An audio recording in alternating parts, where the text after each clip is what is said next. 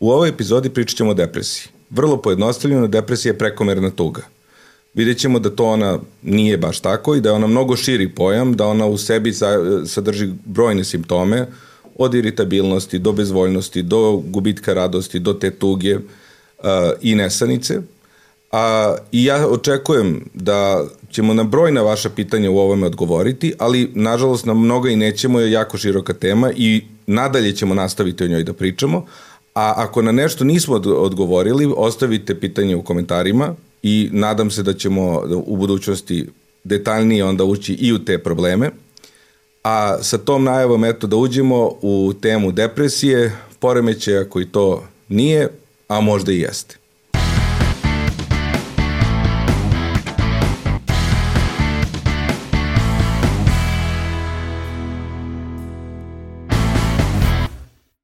Ja kad sam negde sad u posljednje vreme, često kad pričam sa specializantima, ja, to sigurno ti Mihajlo znaš, volim da kažem kad sam završio psihijatriju na studijama i kad sam krenuo sa specializacijom kao klinički lekar, da sam znao šta je depresija, a da sada mi da ne znam šta je depresija.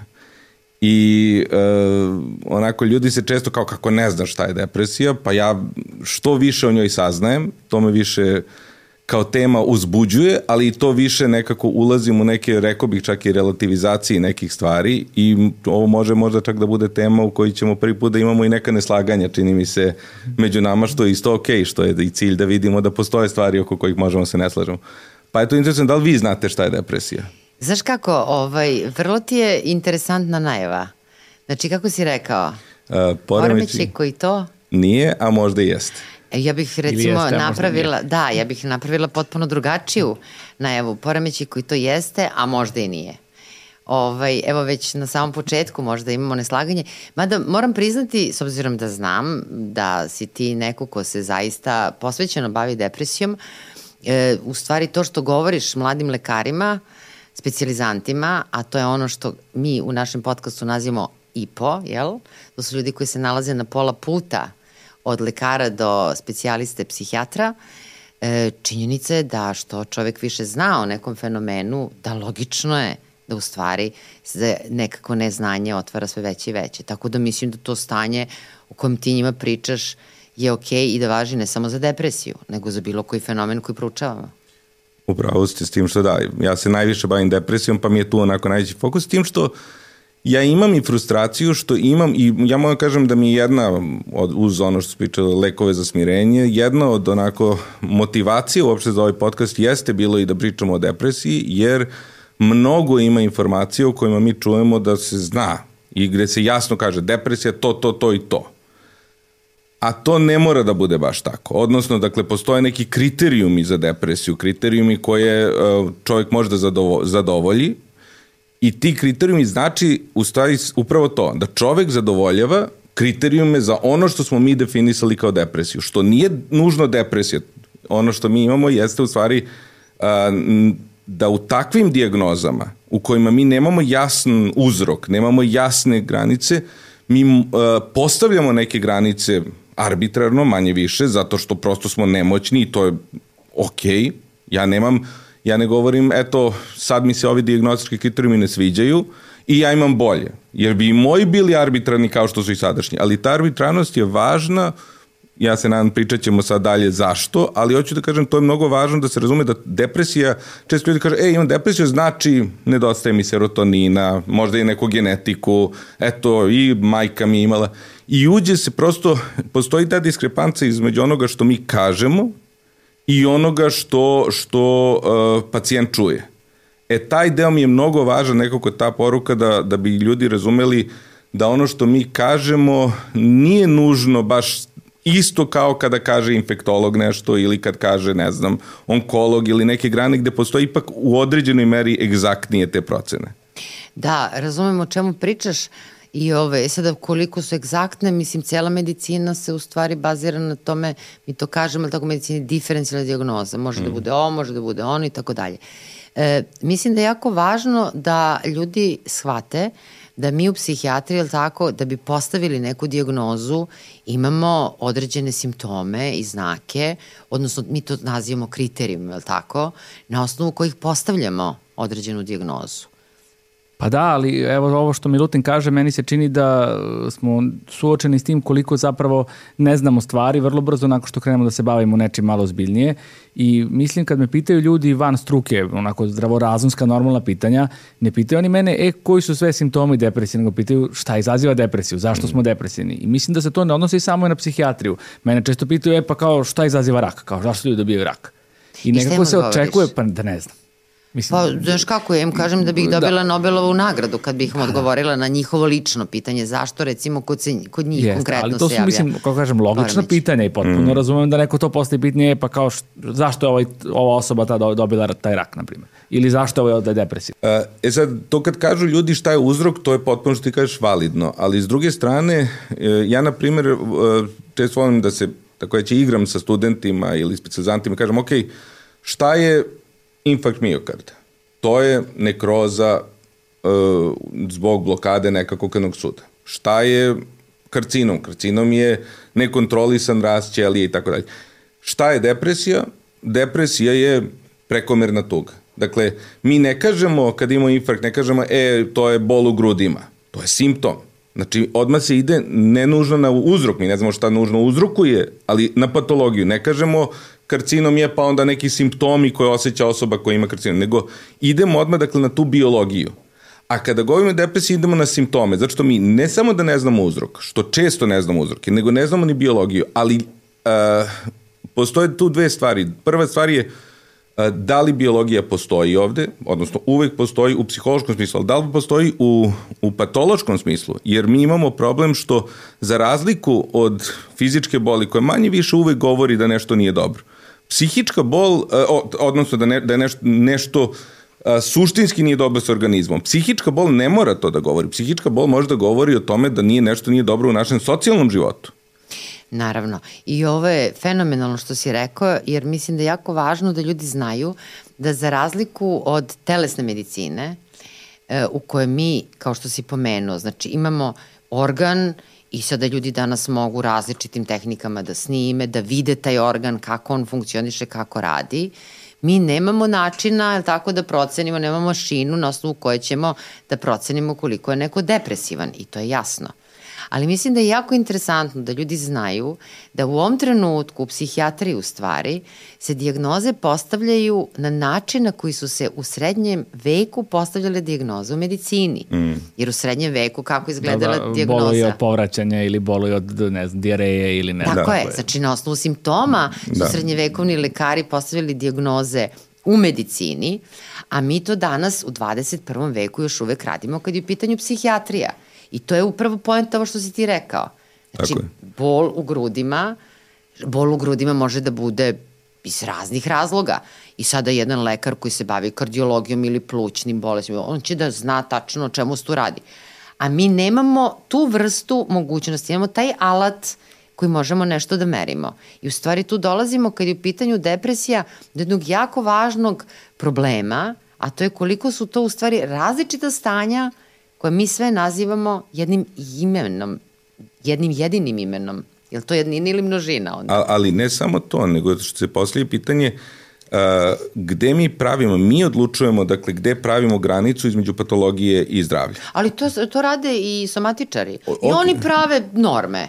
Ili prave za metabolički, pa da da, prave, okay, prave ali norme. to u okviru nekakvih uh, nekakvih... Sve su dakle, to konsenzusi, Milutine. Tako, i, ne, ni sve, ali imamo, dakle, imamo... Dosta. I dosta, dosta. I najveće... I za hipertenziju, one, za tako je, dakle, bolesti. Ali, ali imamo, dakle, imamo neke stanja koje bismo mogli da nazovemo kvalitativno odstupanje od zdravlja. Dakle, kvalitet uh, zdrave i Naravno. to je bilo kakav karcinom, to je bilo kakav prelom, to je, možda bude bilo kakva infektivna. Znači, meni je dovoljno jedan virus COVID-a, ja imam COVID. Jedan ćelija karcinom, ja imam karcinom. Posle mi gradiramo u kojoj meri je neko bolestan, ali je bolest ta kao takva, uh, jasna distinkcija kad kreće.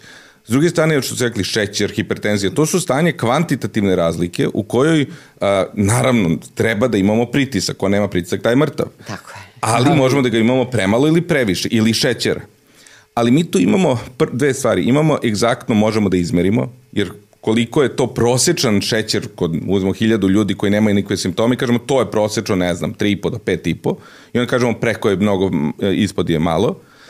A, mi za depresiju, odnosno za tugu, prekomernu tugu, mi to nemamo, jer je to subjektivan stvar. Em što to, isto te stvari možemo da merimo konkretno. Ja naravno ako odem na adu i krenem da merim pritisak, a, svim ljudima, ja ću naći da brdo njih ima hipertenziju. Oni nemaju hipertenziju, nego ljudi trče. Nama to, to su stanje koje fluktuiraju.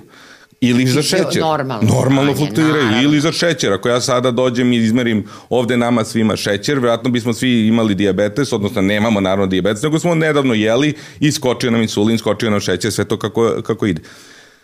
Tuga varira, dakle, nekad smo tužni, nekad nismo, ide tako, a, ali nema te nulte tačke, kao što kažemo, dođi, nemoj da si večeo, nemoj si doručkovo i onda ti vadimo da, da vidimo šećer i onda kažemo to je nulta tačka koju možemo neko, nema toga. I to je opet subjektivno, koliko sam tužan. Tužan sam, nema, nema tu merljive skale, na, na, od skala na 1 do 5, ja sam skala, tužan 4, vi možete kažete 3, a vi možete meni da delujete tužnije nego ja sa strane. To je potpuno individualna stvar, subjektivna.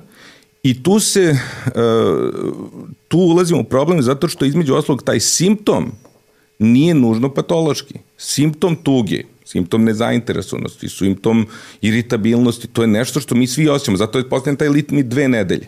Zato što sve to može se javi kod svakoga i što jeste nešto što svi doživljamo nekada, A zašto dve nedelje? Zašto ne nedelju dana? Zašto ne mesec dana? Je jedna opet konsenzus, ali je važno da ljudi znaju da je konsenzus. Ja zato i kažem možda jeste, možda nije. Zato što kada neko zadovoljava kriterijume, on zadovoljava kriterijum za konsenzus koji smo postavili. Da, ali mislim da ovde je jako važno da naglasimo jednu bitnu stvar, a to je, znači, mi imamo depresiju pojam depresije kao simptom i treba ga razlikovati od depresije kao nečega što nazivamo mentalnom smetnjom ili mentalnim poremećajem. Dakle, postoje oblici depresivnog poremećaja koje mi tako diagnostikujemo našim ordinacijama, a da pacijent ni jednog trenutka nam ne kaže, niti osjeća depresiju kao simptom. I to se naziva depresija bez depresije. Između ostalog uh, u... Ja tako? Tako je. Iz... A, a šta, šta onda taj pacijent pokazuje u ordinaciji? Znači, o čemu se tu radi? Znači, on dođe i na osnovu čega mi možemo da kažemo on je depresivan, a on nema simptom depresije? Uh, on ima 13, 9, na primjer, ako uzmemo DSM američku klasifikaciju, ima 9 simptoma. Od toga treba da ima 5. A možda ima od tih 9 u stvari 13 simptoma. Da, Zato što ali, je jedan, ono, i agitacija i retardacija motorna. Ima i da mnogo jede i da ni malo jede, da ima insomniju i da mnogo spava. To su potpuno dve različite stvari. Vi možete da imate dva pacijenta po sadašnjim kriterijum koji nemaju ni jedan jedini zajednički kriterijum i to što ste vi rekli, gomila različitih stanja koji nemaju ni jedan, jedan zajednički kriterijum, nijen simptom zajednički, a da se isto diagnostikuje. Znači, kako bi ti, recimo, Mihajlo u svojoj ordinaciji ovaj, postavio diagnozu depresije bez depresije? Šta je to, recimo, što čovjek treba da ti kaže na osnovu čega bi ti... Mislim da se to ne viđa tako redko, zapravo mislim da ne, nije toliko često tuga razlog zbog kojih ljudi dolaze da se žale. Mislim da se češće ne, žale na bezvoljnost, na nezainteresovanost, gubitak energije, gubitak uživanja u svemu što rade, mislim da su problemi sa spavanjem takođe ono što ja u mm. svojoj praksi često viđam i da nekako uz neku možda blagu razdražljivost, iritabilnost, nervozu i da takvih pacijenta ima jako mnogo i da oni možda ni nisu svesni da ispunjavaju kriterijuma za depresiju, nego oni dođu zbog toga što se loše osjećaju, nekako ne definišu to baš jasno jer i ne znaju, ali sam primetio da tuga nije toliko baš sve prisutan simptom kod depresije. Ne, ja to go, da, ja imam, što kaže, malo, jer se kaže depresija, prekomerna tuga, to često koristimo da, to ali kao, važno ali ali se slažem potpuno, da, potpuno postoji ogromna variacija simptoma koje idu po taj kišobran, a baš je zato i, i važno ovo razgraničiti, jer šta je to je nešto što smo se mi dogovorili da ćemo tako da definišemo i to je okej, okay. kažem, trebaju nam neke smernice, ali, kažem, ajde ostavit ćemo za još malo kasnije šta je to, zbog čega mene to muči kao koncept. Da, e, jer termin depresija, ono što, da kažem, negde naučimo na samom početku, je tako, to je da, je da upravo može da bude simptom, da može da bude sindrom i da može da bude poremećaj i da često možemo da ne ilaz, i da ne ilazimo zapravo na pacijente koji imaju depresivni poremećaj, uopšte nemaju depresiju kao simptom. Čak se pokazalo u određenim istraživanjima uh, da e, u primarnoj zdravstvenoj zaštiti da jako veliki procenat pacijenata, i to je rađeno jedno ogromno istraživanje, e, onako širom planete Zemlje, da najveći broj pacijenata u stvari ima telesne simptome i da su telesni simptomi ti koji su dominantni. A ono što meni kolegi iz domova zdravlja stalno ponavljaju i često pričamo o depresiji i čak kolegi u domovima zdravlja vole da se razgovara o ovim temama, kaže dosta mi više da slušamo samo o hipertenziji, o šećeru, ćemo malo i o mentalnom zdravlju E, stvarno su zainteresovani. Kaže, mi imamo taj problem prvo zato što ovaj, često vidimo da pacijent ima simptome depresije, upravo ovo što si ti sad Mihajlo rekao. Pre svega jedan gubitak radosti. Znači, ne može se obraduje za stvari koje su mu ranije pričinjavale zadovoljstvo. Meni skoro žena rekla, kaže, dobila sam unuče i ne, ja znam da treba da se obradujem, ali jednostavno ne mogu Znam, a ne mogu. Ne mogu da spavam, ne mogu da jedem, nemam koncentraciju. I šta mi kažu kolegi iz Doma zdravlja? Kaže, ali mi imamo problem jer ti ljudi na svoju ruku uzimaju lekove za smirenje. Mm -hmm. I sad mhm. kaže, na koji način mi u stvari njih uopšte da motivišemo da oni dođu kod vas na psihijatriju da vidite kako da im pomognete. Jer mislim, tu jednostavno vrte se u začanu krugu, uzimanja da. lekova za smirenje. Pa da, mislim, upravo to je jedan od razloga zbog čega postoje toliko telesne manifestacije da kod ljudi je delimično verovatno i kulturološki zato što nije dozvoljeno imati negativne emocije, to nije uopšte ohrabreno i prihvaćeno i zato neki ljudi ni sebi ne mogu da, da kažem, priznaju da se osjećaju loše i onda to izražava kroz jezik tela, oni izražavaju svoje tegobe a drugi problem je lekovi za smirenje koji opet jesu donekle javna tajna, društveno prihvaćen način da se čovek osjeća bolje i kao eto ok da pijem lekovi za smirenje, ali nije ok da priznam da sam tužan. A u stvari na taj način se vrte u začaranom krugu. A činjenica je da u stvari najveći broj ljudi, ako su ikad i doživeli nešto što mi konsenzusom nazivamo depresivni poremećaj, to dožive samo jednom u životu. I oni u stvari sebi prave veću štetu nego dobit. Pri čemu, malo pre Mihajlo pomenuo, da kažemo, uzroke. Mislim, mi u medicini generalno, jer psihijatrija je medicinska disciplina, medicinska, ali ima i onaj humanistički deo zbog mm. čega obožavamo, je li tako, jer nije samo medicinska, ali pripada medicini. E, važno je reći ipak da ne postoji poremeće kod koga postoji uzrok i posledica. Ni u očnim, ni u ušnim bolestima, ni u endokrinologiji, ni kod karcinoma, da mi u stvari negde e, u periodu od posle drugog svetskog rata govorimo o jednom terminu koji smo svi usvojili i mi svi sad mislimo to sad postoji 500 godina, ne postoji, to postoji u stvari da kažem negde od 50. godina 20. veka zove se faktor rizika. Znači niko, ni internista, kardiolog, ni mi kao psihijatri, ne možemo da govorimo ovo je uzrok, ovo nije uzrok. Mi samo možemo da govorimo o faktorima rizika koji dovode do određenog stanja.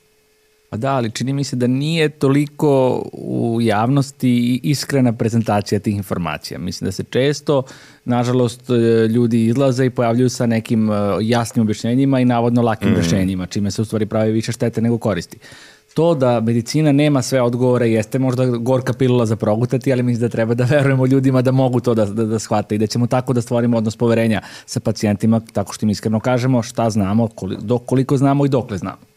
Da, ja se trudim često što ti kažeš i pacijentima kažem ne znam kad stvarno ne znam.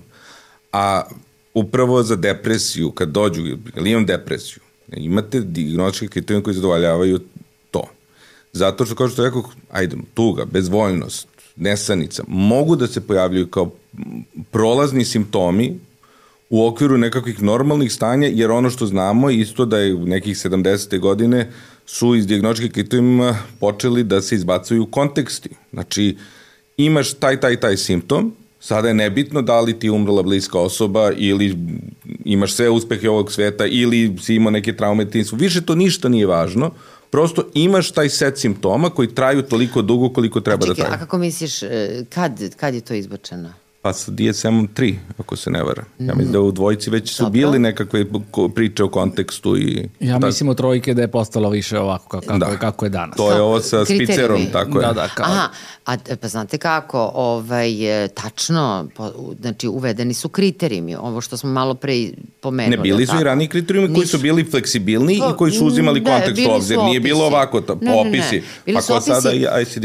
Pa znam, ali ti opisu su bili jako loši zato što onda se dešavalo da ljudi ne mogu međusobno da komuniciraju. Mislim, e, jednostavno, e, svako je na svoj način e, opisivao i ti sad uzmeš recimo spisak od 100 simptoma i uzmeš anketu, napraviš među hiljadu lekara I onda su shvatili da ne postoje dva lekara koji su se složili oko toga šta su u stvari ključni simptomi. Mislim, to je jako važno. Mislim, ovo, to je nešto što je bitno i što smo u jednom podcastu pričali. Diagnoze služe nama, psihijatrima, da međusobno komuniciraju. Tako je. Ali, a ne pacijentu. Ali toliko. to je suština, pazite, znači mi smo imali Mislim, situaciju... Mislim, pacijentu zluči iz drugih razloga. Mi smo imali situaciju gde ljudi nisu mogli da nađu konsenzus i onda se dogovorilo, ok, ova grupa psihijatra će napraviti konsenzus. Sad, možda je taj konsenzus najbolji na svetu najbolje što može biti, ali možda i nije, ili nije za svakoga. To ono zašto kažem, ja ne govorim da pacijent koji ima depresivne kriterijume, zadovoljava kriterijum za depresivni poremećaj, nema depresiju, da nema poremećaj depresije. Ali možda i nema. Možda je samo... Ali šta ti kad recimo kažeš pacijentu možda imaš ili imate i možda nemaš ili nemate. Kako oni reaguju na to? Uh, dakle, ili je mene bi lično zbunio. Tako je, rekla, tako je, ali, ali je suština, u, u, zato što ne kaže naravno samo to, ja im kažem celokupnu priču. Dakle, uh, na kraju dana vi ste osoba koja je teško, koji treba pomoć, jer i tužnoj osobi ili bezvoljnoj osobi treba pomoć. Ja ne mislim da ove stvari suštinski nužno uh, uh, menjaju rad. U tom smislu. Dakle, ja ne kažem ti nemaš poremeće ili kući. Ili ne znam da imaš kući. Ne. Da li imaš poremeć ili ne je nebitno u, u kontekstu toga da li ću ti ja pomoći ili ne. Ja nemam poremeće glavobolja, pa ponekad uzmem lek za glavobolju. To nije zato što ja bolestan, nego prosto... A što je to? A što je to uopšte nje... Šta je, šta je pacijentu bitno kad dođe kod tebe? E, e, tu je ovo što sam hteo, što, zbog čega je meni ovo uopšte tema važna. Da.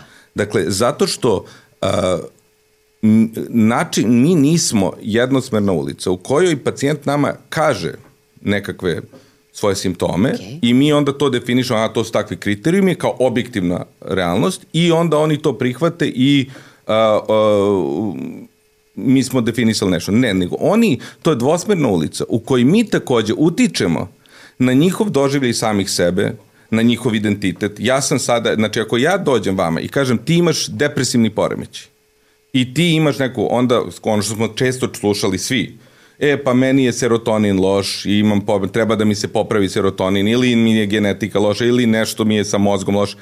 Dakle, automat, to ono što smo rekli, šta je razlika između toga šta mi kažemo i šta pacijent čuje. Pacijent će čuje zato što je psihijatri medicinska grana, on će čuti da je to medicinski problem i da je to biološki problem da je to skol koji se pravi. To istraživanje pokazuju.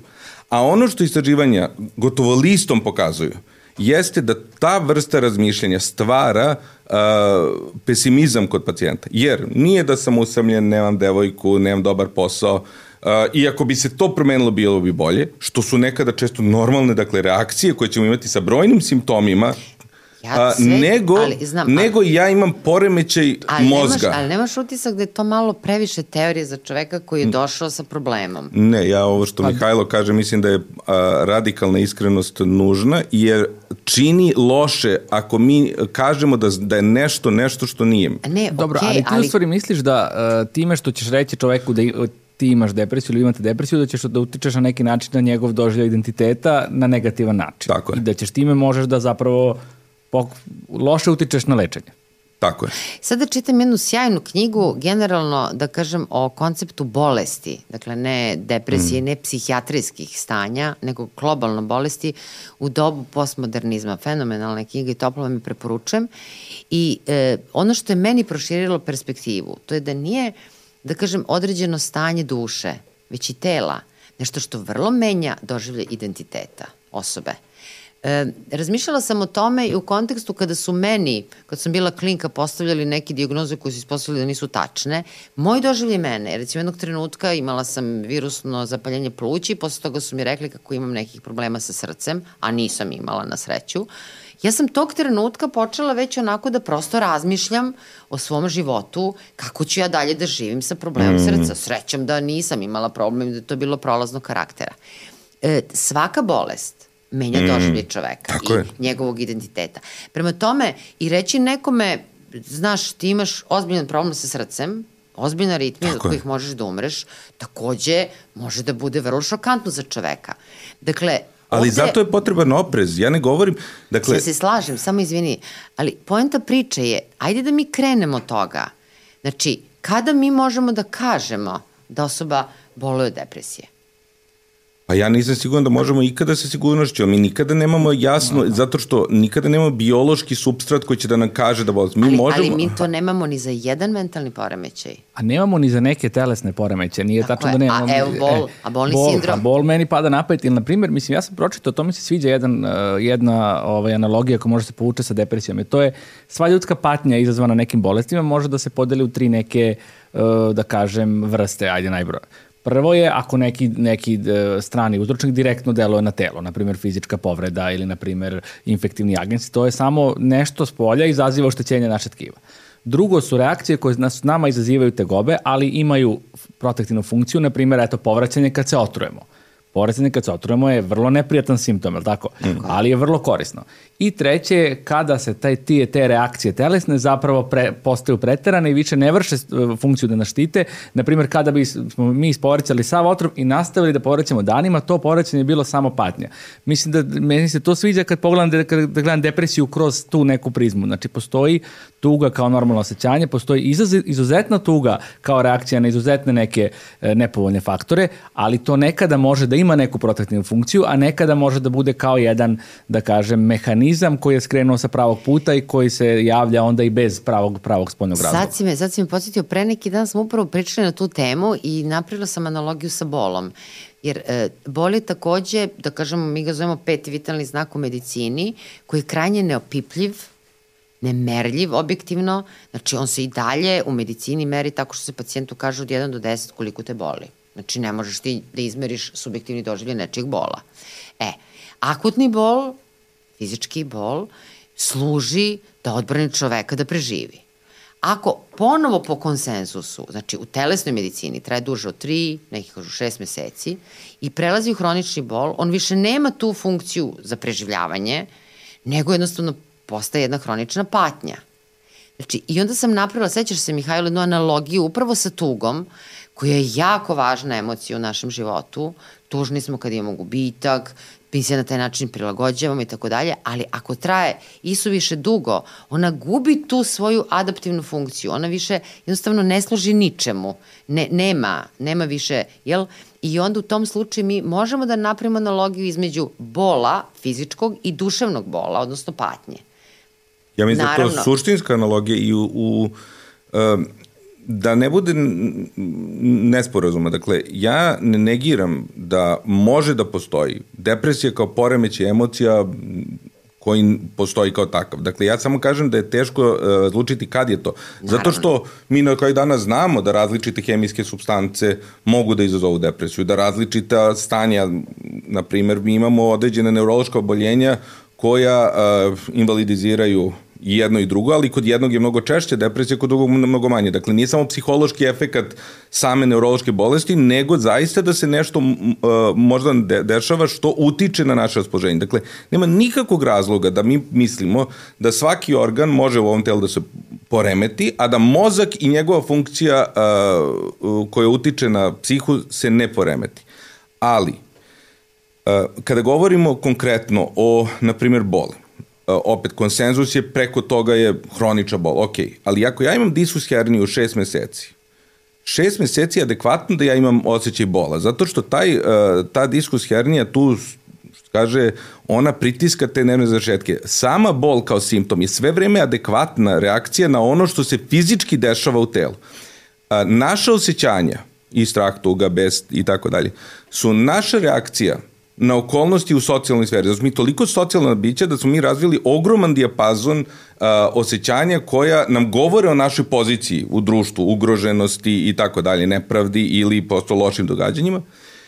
I koliko dugo neko može da bude tužan ili bezvoljan, kako god da se manifestuje, to je sad ta kulturološki aspekt, što znamo da je kod Freuda bilo koliko onih disocijativnih, konverzivnih, pa ih se sad kao manje od, u određenim aspektima, ali se manifestuju na drugi način. To je sad druga pič. Ali te, taj set simptoma koje mi nazivamo depresija, koliko dugo može da traje, jeste jedna, opet kažem, vrlo individualna i arbitrarno pitanje. I onoj osobi koja ima depresiju treba pomoć i osobi koja nema depresiju nego je ja ću reći tužna, ali opet kažem ugađujem se, kažem tužna čisto da bi se napravila ta distinkcija bilo koji od seta simptoma koji, po to, koji smatramo po depresiju spada, Uh, I jedna i druga uh, treba pomoć, ali ako kažemo osobi da ima poremećaj uh, mozga, depresiju, jer će ona čuti poremeće mozga. Okay, ti u stvari to, misliš, misliš na uzrok, ja bih, misliš na ja bih vezu između da. mozga da. i duše. Ja, da. ja uvek koristim jednu vrstu, uh, jednu vrstu ono, svog ličnog uh, primera, a to je, meni je puko prednji ukršteni ligament i meni koleno šeta. Dakle, to je prosto moj problem. Uh, ja uh, sam toga u svakom trenutku svestan. To ovo što kažemo. I, za, I to je važno da sam svestan. Jer će meni to pomoći. Ja više ne igram futbal. Ja bih bio kretan sad kad bi bio, e, ja ne znam da to imam i stalno mi iskače koleno, ja ne znam šta je. Dakle, to mene spašava od daljih problema. Ali, to me spašava zato što ja zaista taj, znači meni je artroskopski uđen u koleno i prepoznato je da ga više nemam. Uh, taj problem je deo mog onako identiteta u tom smislu da ja imam nekakve ideje koje su glupe, patrijarhalno-mačističke. Da, da ako da. moju suprugu neko napadne, uh, ja ne, ako mi iskoči kol, neću moći je brani. Izvini, nije glupo, nego je super. Kako god da je, to, je, to, to meni padne na pamet. I sad šansa za to je 0,001%. Ali to mene, eto, malo muči. Ja imam pravo da imam glupe ideje, da me malo muče. Ja drugo znam, eto, više ne mogu da igram. Bio sam u medicinaru u futbolskom timu, više ne mogu da igram futbol. Nije mi strava zbog toga. Uh, ali to je moja realnost i živi s tim. Kao što kad neko dobije infarkt, važno je da zna da, je, da mu je deo tkiva srca umro, da bi mogo da se pazi od daljih nekakvih fizičkih opterećenja koje mogu da dovedu do... I kvalitet života u mnogim tako segmentima. Je, tako je. Ali, dakle, spoznaja o bolesti uvek nosi limitacije. Nikada ona nema nešto specijalno pozitivan efekat van tih limitacija gde se dodatno čuvamo od problema. Zato, ako mi kažemo, ti imaš poremeći depresiju, dakle, mi, koleno je solidno nebitna stvar. Koleno je jedno onako, ja evo, veći deo dana i onako sedim. Po kako ti kažem, možda za tebe. Da. da. Ali uh, ako ja nekom kažem, tvoje osjećanje, ono što predstavlja tebe, tvoj identitet, tvoje, tvoje mišljenje, dakle sve ono što si ti, je poremećeno. To potpuno menja prizmu. A ti misliš, Ali... ti misliš da e, čovek kada ima problem sa raspoloženjem, da to preplavljuje celu njegovu ličnost. Da, tu se slažem sa tobom. Ne, ne, nego da, nego da definicija, ako ga definišemo mi iz pozicije autoriteta kao lekari, kao neko ko ima poremećaj mozga, da tako radi, da ima jednu poremećaj takav, da kod onih kod kojih možda toga i nema, da to može dugoročno da stvori... Ali ja opet sumnjam da, da mnogi ljudi se bave time koji dođu po pomoć, kao ljudi koji su neraspoloženi, koji pate i da sad odmah da definišu depresiju kao poremećaj mozga. Ne mislim da je to toliko rasprostranjeno da ljudi... Nego čega? Mislim da je prosto nekama treba neka vrsta validacije za to iskustvo koje oni imaju i da to samim tim što, ka, što A. ti kao psihijatar kažeš ok, jesi ti si depresivan, da mu na neki način može da, da bude i uteha, ne samo da bude osud. E, e, samo da se razumemo, kad kažeš poremeći mozga, Šta po tim podrazumevaš?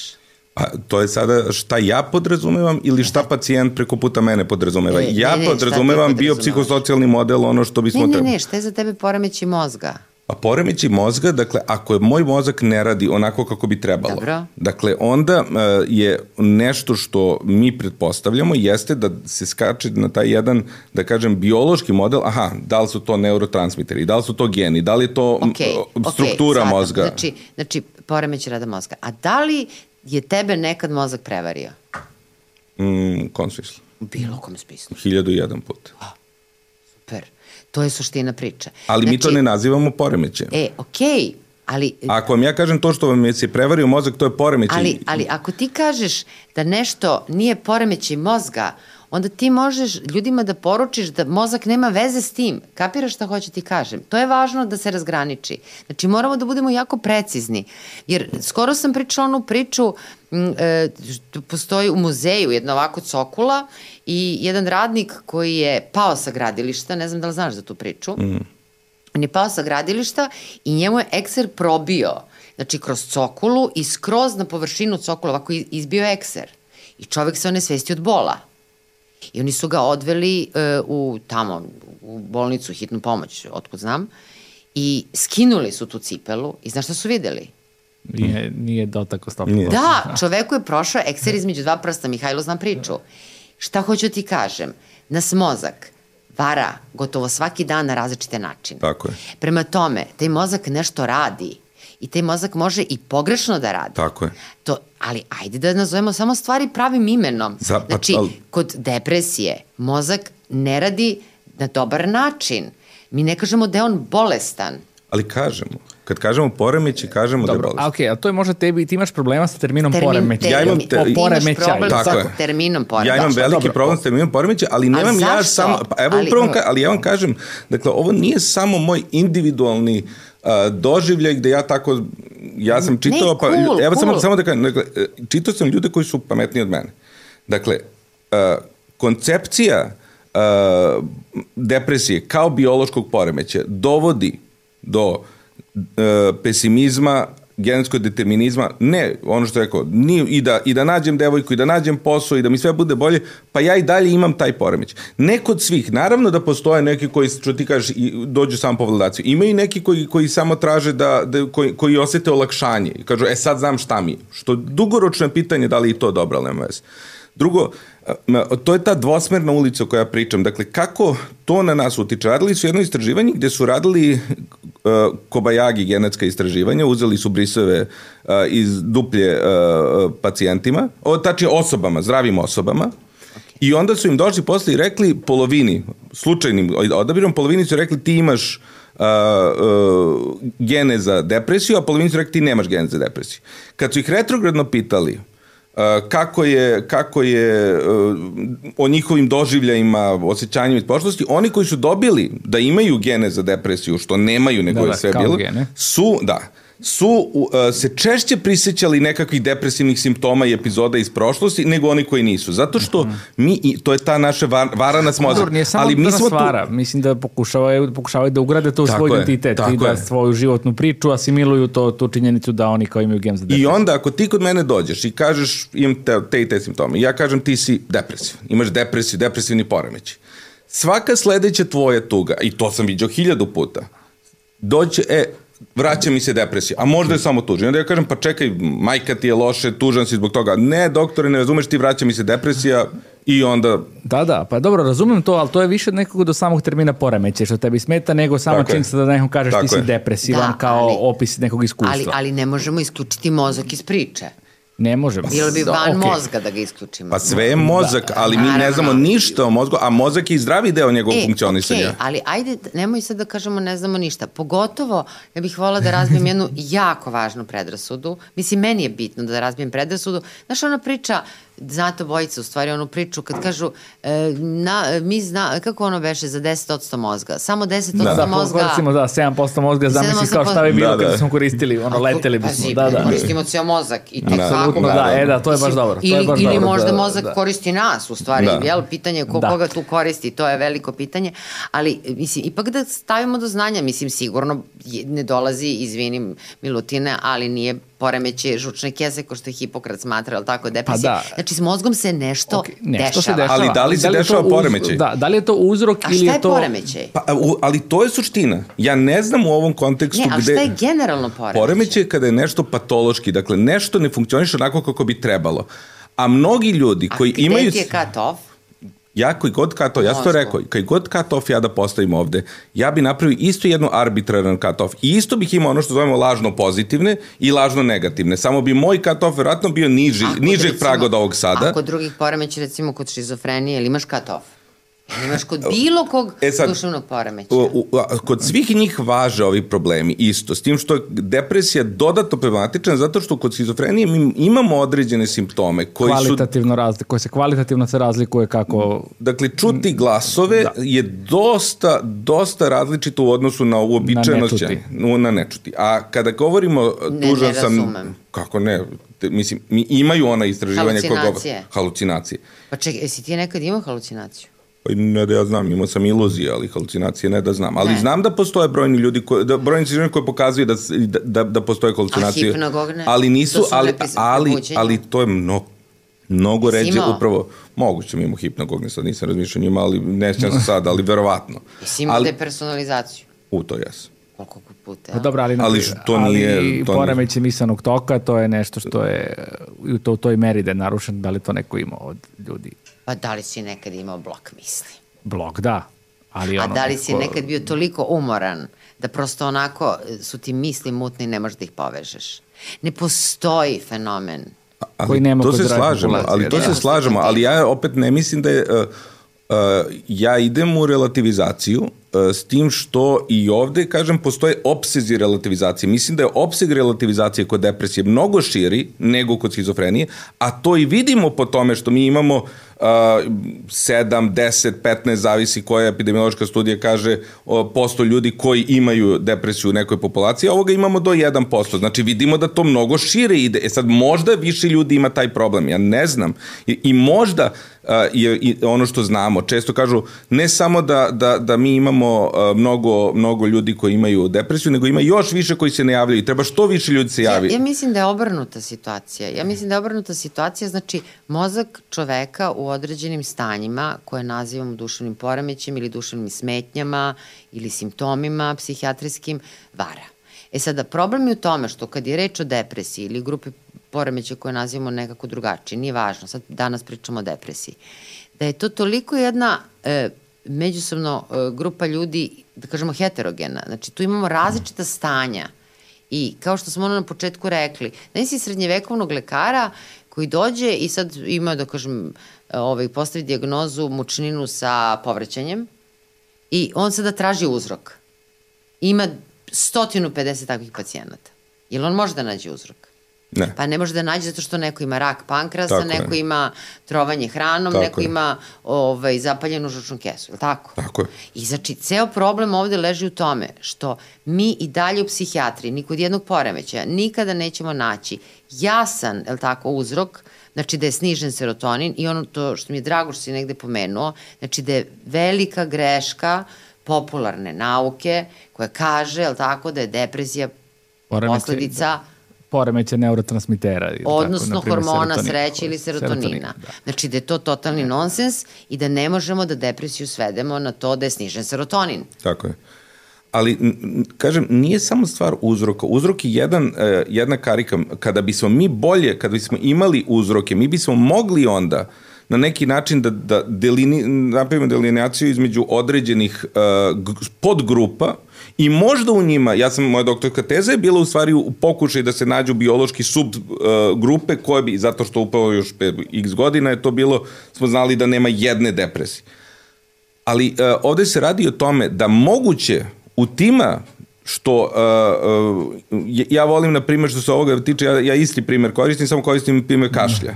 Jer neko ima astmu, neko ima bakterijsku infekciju, neko virusnu, neko ima karcinom, neko ima tik, a neko samo se zakašlje ovako. Ili neko u rudniku radi i treba da kašlje i to onda i onda mi dakle nemamo samo niz različitih poremećaja odnosno bolesti koje samo treba da ih razlikujemo da bi našli uzroke nego ja mislim da u, u trenutnom uzorku onoga što mi nazivamo depresije postoji jedna a, grupa ljudi koja a, čini mi se da nemaju poremećaj a, nego da imaju prosto adekvatnu reakciju na okolnosti u kojima se nalazi. Ja često specializantima kažem ok, kako bi se ti osjećao u koži ove osobe? I ja moram kažem da se jako često svi dođemo, pa ja mislim da bi se ja isto ovako jako loše osjećao.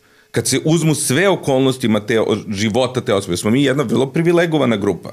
Mi smo jako privilegovani od finansijskog do sistema podrške koji smo imali, koji nam je omogućio da završimo fakultet koji smo završili i tako dalje, a znamo da je su socioekonomski razlozi na vrhu zajedno s traumama iz detinstva po onim onim faktorima koji utiču na eventualnu pojavu onoga što nazivamo depresija. Dobro, pazi, mislim, ja se ovde u velikoj većini stvari slažem s tobom i mislim da, ta, da sigurno postoji velika podgrupa koja ima simptome pretežno zbog nekih socijalnih razloga, ali sada sad je opet pitanje, mislim da li je to uopšte na kraju važno, ali ja se pitam ako nekome socijalni, uh, socijalna neka, neki faktori uzrokuju da se on osjeća tako loše, da li je to znači da njemu mozak isto ne radi loše na neki način? Ja ne mislim, ali e, nije važno za terapiju. Dobro, ok, nije, ja se slažem. Za terapiju evo, nije ovaj, važno. Uh, Su, mislim, možda bi ti se svidelo za, kako... Za pružanje se... pomoći. Za pružanje znači, pomoći nije važno. Mi smo ranije... Ali to što, šta god da radiš, evo sad mi pričamo, Jel ovo utiče na naš mozak? Tako je. Zato je i to pitanje serotonina. Ja to uvijek volim da kažem. I da mi nađemo da je serotonin snižen kod pacijenata, to ne znači ništa. To nije kod svih. Ne, ne, nije, ne, ne, ne, ne, kod, kod, kod, ništa, to je ali ne bi značilo, zato što upravo me, sad mi pričamo, možda nama skače gore dole, ko pritisak što skače, Tako. kao skače gore dole, ali, jer mi, defini, mi smo definisali stanje. Ali gde? Znaš, mi pričamo globalno mozak. I to je tek ta užasna Mislim, kao kompleksnost. da je sad to jedan kamen u glavi, razumeš? Kao što imamo, kao što imamo one, one probleme sa, sa antipsihoticima, mislim, to je lako shvatiti. Imamo puteve na koje treba da utiču i puteve na koje ne treba da utiču. Da. Oba su dopamin i onda imamo kao neželjni željni efekti, zato što je prosto to užasno težak, što kaže, možda, možda mi je serotonin u prefrontalno loš, a nazad dobar, šta god to značilo. I, ne, I užasno je teško doći do toga, ali upravo, kažem, i taj deo je opet taj skok ka uzročnom. Ali mene interesuje da li time, a kažem, mislim da studije pokazuju da time što mi definišemo nešto kao poremeće, iako nismo 100% sigurni da je poremeće, mi dodatno utičemo u, u, u, u stvari uvođenje medikalizaciji ili patologizaciji određenog broja pacijenata kod kojih grešimo, kod koji zadovoljavaju te kriterijume, ali možda nemaju baš poremeće mozga. A na koji način im onda štetimo? Ajde, u stvari, ajde prvo ovako. Znači, tebi, ja, sada, znači, na koji važno, način mi njima onda pitanje. štetimo? Uh, možda bi se tebi svidlo kako, pošto sam ja na ovaj, edukaciji iz gestalt terapije, kako je tamo pogled na depresiju, pošto tu takođe postoji jedan trend koji bi ti se sigurno svidio, a to je da se ne patologizuje previše i onda se koristi termin depresivno iskustvo, koji mm. je kontinuum gde postoji postoji S jedne strane, depresivnog iskustva stoji, na primjer, tugovanje, žalovanje kao jedna potpuno zdrava reakcija, gde nema ni jedan element patološkog, a s druge strane, oni to zovu, na primjer, melanholija, kao jedno ono što je ranije bilo endogena depresija ili, ili depresivna psihoza, kao nešto što je definitivno patološki, gde se ovaj, onda tretira na potpuno drugačiji način u odnosu na ovu koja je, da kažem, reakcija na nešto realno. E sad, u realnosti niko nije skroz na jednom ili na drugom polu, nego mi imamo realne pacijente koji su mm. uvek negde između i mi uvek imamo pomešane sve te različite pa, faktore. Pa boga mi imamo i one koji se nalaze na ekstremu i koji mogu da budu vrlo, da kažem, vezani za krevet mm. i to je onaj čuveni termin klinofilija kada ne može da ustane, kada mi kaže doktorka, ja jednostavno kad se probudim nemam snagu da ustanem iz kreveta, jer ja ne, ne znam, ne mogu da se suočim sa onim danom, nemam energije, nemam volje, e, ali ja mo... ne živi mi se. Ja sam... I šta sad da radimo kod tih ljudi? Hoćemo kod njih da relativizujemo ili ćemo da ih lečimo? Ja sam, ali, ali, ali, ali lečimo, lečimo svakog. E, pa, e, ali lečimo na raz... Ne, mi intervenišemo, ali na različite načine, ali, u zavisnosti od njegovog stanja. Tako je. Jer pravo da ti kažem, ja sada da sam, na primer, na tom polu o kome Mihajlo priča, od 50% pa na ovom ka melanholiji, i sad meni da neko kaže, ok, ja ću tebi pomoći, ja ću tići kod njega. Ako mi neko kaže, pa ja nisam siguran, mislim, da li si ti depresivna ili nisi, ja, samo ćeš me zbuniti. Ja ne mislim i kažem, ja sam generalno imao... Ali ćeš me. Pa, možda vas, ali neke drugi ljude, moje pacijente, nisam zbunio i... I šta to oni upravo, tebi kažu? Ništa, kažu, posto od meni je teško, ok, razumem, i ja ono što kažem, pilazim iz psihološkog modela. Ajde prvo da probamo ovako. Pa sad, A šta ovako? Da probamo promenama, na primjer, nekakvih socijalnih obrazaca. Kod lakših oblika. Pazite, uh, meni, znači, mene ali, se sad podsjetili, ali, samo, ali samo jednoj, samo jednoj, uh, dve, dve imam asocijacije koje moram da kažem. Prva mi je, baš kada sam radio svoj doktorat, ja sam u doktorat uključio nekih 80 kusur pacijenata sa depresijom, nekakvu morfologiju smo radili, snimali magnetnu rezonancu, uh, ali sam zapamtio jednog pacijenta koji je bio kvalitativno, dakle drugačiji, koji je bio ovo što ste rekli, znači prikovan za krevet, potpuni pad, kakav, svi drugi su imali te depresivne, kako si rekao, depresivne iskustva, iskustva, iskustva, ali ovo je bilo nešto što je zaista bilo ono što bih nazvali melanholija, onako klinička, da čitamo opis, kažem, koji u knjizi lepo zvuče u praksi. Svi naši pacijenti, ja kažem, su prljavi, ne prljavi fizički, nego prljavi u smislu da su njihovi setovi simptoma, menjanje njihovog kroz vreme potpuno različite. I on je baš onako što čuo posle godinu dana sam saznao da je on posle nekog vremena ušao u maniju, o, maniju i, da, i ja, tako da i tu pitanje sad kada mi uhvatimo. Druga asocijacija mi opet, ja moram to da naglasim. Dakle, ja imam problem s konceptom poremeća, ali nemam problem sa konceptom pomoći svakoj osobi koja se nama pojavi na vratima, jer svaka, niko ne dolazi u psihijatriju, jer mu je strava. Znači, da li je to poremeć ili ne, nebitno. I sad ako neko od mene boli noga, ja mogu i hoću da pomognem osobi koja boli noga, da je manje boli, i ako je to nešto, ako je bol nepodnošljiv, mi možemo da damo i morfijum. Isto tako ovde, može, a ako nije, možemo da smislimo nešto, mirovanje ili bilo šta. Isto tako ovde postoji gradacija u koji naravno, ako što kažete kao ovaj pacijent, uh, dođete sa onako simptomima koji su onesposobljavajući. Uh, sama priča o tome da li to poremeć ili ne je u tom kliničkom settingu nebitno, nego daj da vidimo kako da pomognemo ovoj osobi koja je toliko nesposobljena, A, ali, kao što znamo, mnogi naši pacijenti nisu samo tako, nego imaju zaista objektivne životne probleme i zato i mi znamo da često neke stvari koje zvuče čak pomalo i banalno, onako speve, e, na prvu loptu su u studijama pokazane da pomažu, kao što je fizička aktivnost. E, u Britaniji sada, na primjer, imaju e, da se bave baštovanstvom, da organizuje NHS njihov mesta gde se okupljaju pacijenti koji imaju ono što se nazivamo depresijom, da zajedno u grupama rade, se, se bave baštovanstvom. To je naša dnevna bolnica. U dnevnoj bolnici skupi se grupa ljudi gde je često usamljenost, to znamo isto, ogroman problem, otuđenost u modernom društvu, skupe se ljudi, podrška jednih drugih. Da li je to poremeć ili ne? U tom nekom smislu, opet kažem, nekada lekovi zaista su nužni zato što čovek ne može da funkcioniše. Ja lično volim da su poslednje linije odbrane, nekada ljudi vole i ranije, nekada sam pacijent kaže, pusti doktor, ja hoću lek. I to je njihovo isto validno pravo ali, dakle, e, pomoći ljudima i način na koji pomažemo je širok spektar i sa te strane samo pitanje diagnoze nije nužno suštinsko, ali pitanje diagnoze u tome kako oni sebe doživljavaju i dugoročno kako će se doživljavati, taj deo je onaj, kažem, koji sam do sada teo da... Ono što, e, kada pacijent uđe u moju ordinaciju, to je da on priča u stvari više u terminima svojih problema i svojih tegoba. I mi ga pitamo koje su to tegobe zbog kojih on dolazi. Znači on ne dođe i sad kaže ja imam tu tu i diagnozu ili imam te te, te poremeći, naravno. E, drugo što je jako važno to je što često pacijenti nama kažu, kada ih pitamo recimo koje probleme imate ili o čemu se radi, zašto ste došli kod nas, jel? Kažu, pa doktor, kada sam depresivan. Onda ga ja obično, ne obično, nego redovno pitam kad mi kaže da je depresivan, kako bi on to opisao svojim rečnikom, jel? Šta u stvari, šta on to doživljava kada kaže ja sam depresivan? I neredko, ne kažem uvek i ne kažem često, ali neredko se dešava da iza tog termina ja sam depresivan, mm. u stvari postoje onako više problemi koji bismo nazvali anksioznošću, znači napet je, nervozan je, uznemiren i tako dalje. Mm. Znači prosto termin depresije u svakodnevnom govoru postao toliko opšte prihvaćen da ljudi vrlo često svoje određena duševna stanja opisuju kada uđu u našu ordinaciju, kaže ja sam depresivan, a da mi konstatujemo da u stvari uopšte nemaju depresiju kao, da kažem, patološko neraspoloženje. A takođe da u okviru svojih tegoba nemaju ni nešto što nazivamo depresiju kao poremećaj. I zbog toga je jako važno na kvalitetan i dobar način iskomunicirati pre svega s pacijentom.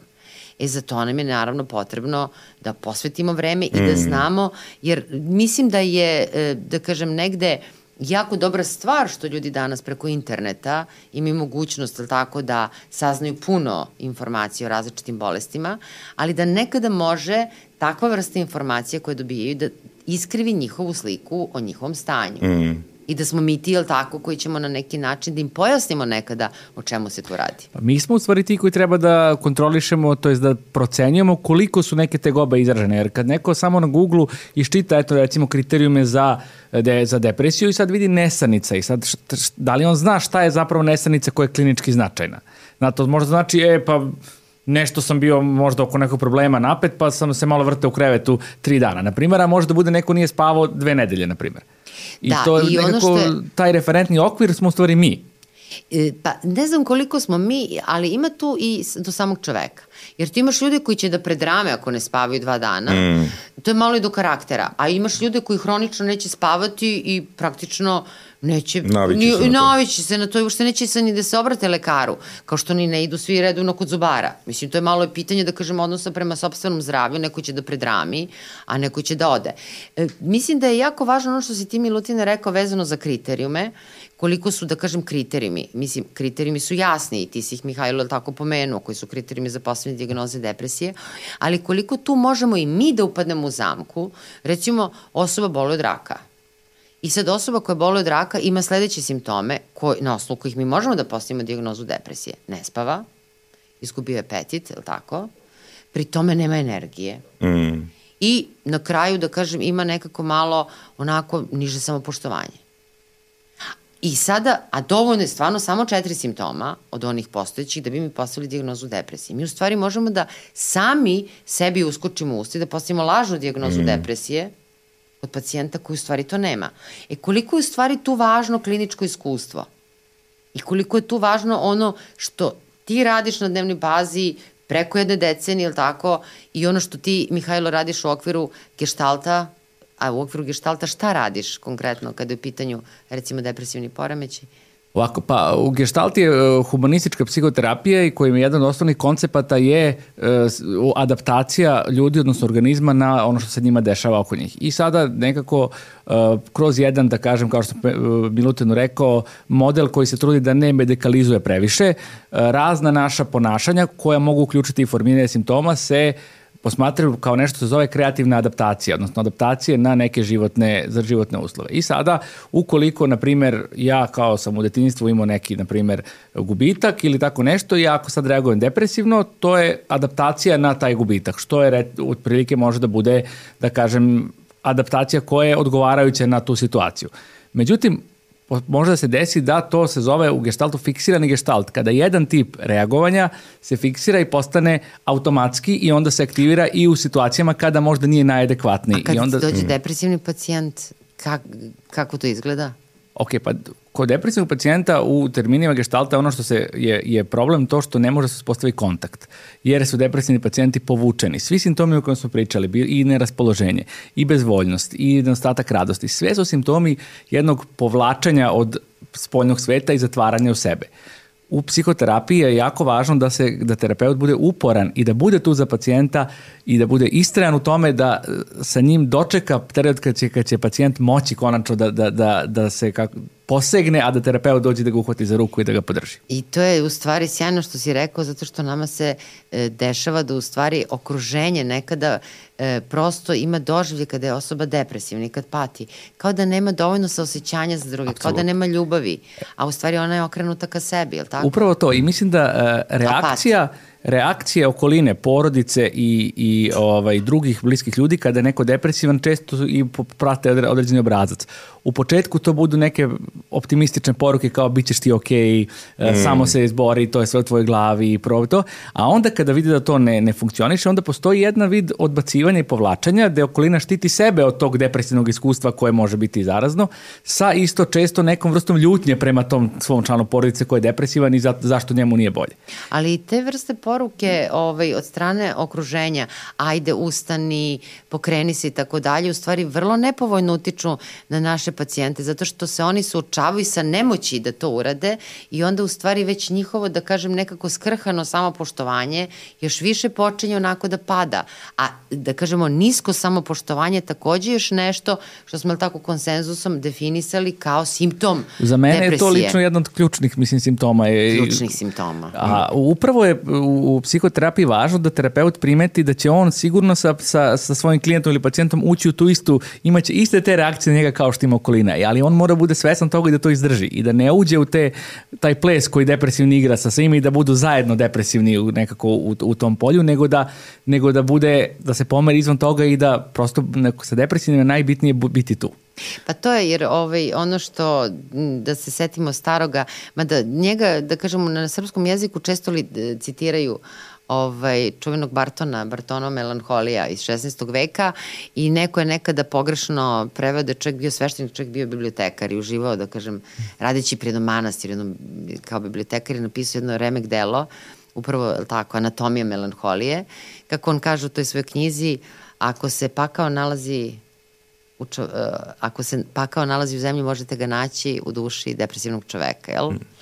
Negde tako parafraza otprilike ide, ali hoće da kaže koliko je u stvari duboka patnja u stvari kod osobe koja bole od depresije. Zaista duboka patnja. E sad ja bih tu volao neko da se prepozna i taj socijalni element, jer upravo porodica je jedan deo tog socijalnog elementa, uh, I tu se stvara on što onako mi vidimo često taj začarani krug. Ne radim ništa zato što se loše osjećam, zato što ne radi, se loše, zato što ne radim ništa zato se još loše osjećam, zato što još loše osjećam, još manje radim. Da radim. I sve da. ide u krug i to mora nekako da se razbije. A upravo je tu taj deo, kažem, to mi posebno vidimo u dnevnoj bolnici, taj deo uh, kruga koji, kažem, opet, da li patološki ili ne, nebitno, ali je užasno težak i, i, i stvara ogromnu patnju kod čoveka. Uh, u dnevnoj bolnici mi vidimo neke ljude koji su jako dugo, na primjer, patili i imali užasne simptome i kada dođemo i onda nekako pristanu da dođu u dnevnu bolnicu. To je dođe od pol devet do pola dva kod nas radnim danima. U rok od nedelju dana i kraće nekada, odjednom se neke osjećanje stvaraju i nešto se diže. Gde se vidi u stvari da ja lično, opet što je nagađanje, mislim da nekakva, mi imamo posebno pitanje, ok, tuga je normalno osjećanje i tuga ima neku svrhu. Jedna od uh, svrha tuge jeste da nam kaže meni nije dobro u mom okruženju, u mojoj hjerarhijskoj položaju gde se nalazim u društvu, A drugi je način i u stvari tuga služi da kaže drugima i teško mi je, pomozite mi. I tu, zato što mi kad vidimo tužnu osobu, mi vidimo suze ili usna ili o, sad neko da Mihajlo sad ovde uđe plačući, mi ne bismo ovako gledali, nego šta je Mihajlo, pa bi ga možda zagrlili, pa reći bi, bit će bolje, šta god daje.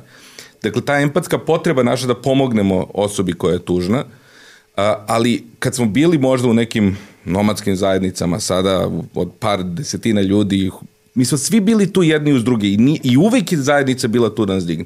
A ja sad mogu pet dana da plačem u četiri zida i da, nazvaće me neko i kaže ajde idemo ovako, ajde, ali to je toliko sada osiromašeno u odnosu na neka davna vremena kad smo se ova osjećanja u stvari formirala način na koji ih ispoljavamo, da mislim da je taj socijalni element suštinski I da, naravno, kad porodica kaže pa ajde, izađi, idemo ovamo, u nekom trenutku se umori, ne možemo mi beskonačno da dižemo nekoga ko ne odgovara, ali ja opet nisam siguran koliko je zaista moguće u svim ovim današnjem modernom društvu, i to je sad tek tema koju ne bih ni da počinjem, možemo da sutra da pričamo, u modernom društvu, koliko je moguće pružiti tu neku vrstu podrške koja je zaista potrebna pacijentu van, evo, kažemo, ovakvih nekakvih okruženja koje mi stvaramo između oslogu u dnevnoj bolnici. Znaš šta, ja mislim da ti radiš na fenomenalnom mestu. Obožavam dnevnu bolnicu i ovo što si sad objasnio ljudima, da se tu dolaze tako oko pola devet, da se ide kući oko pola dva i sad kad smo dolazili da snimamo ovo, pričali smo u stvari koliko je dnevna bolnica,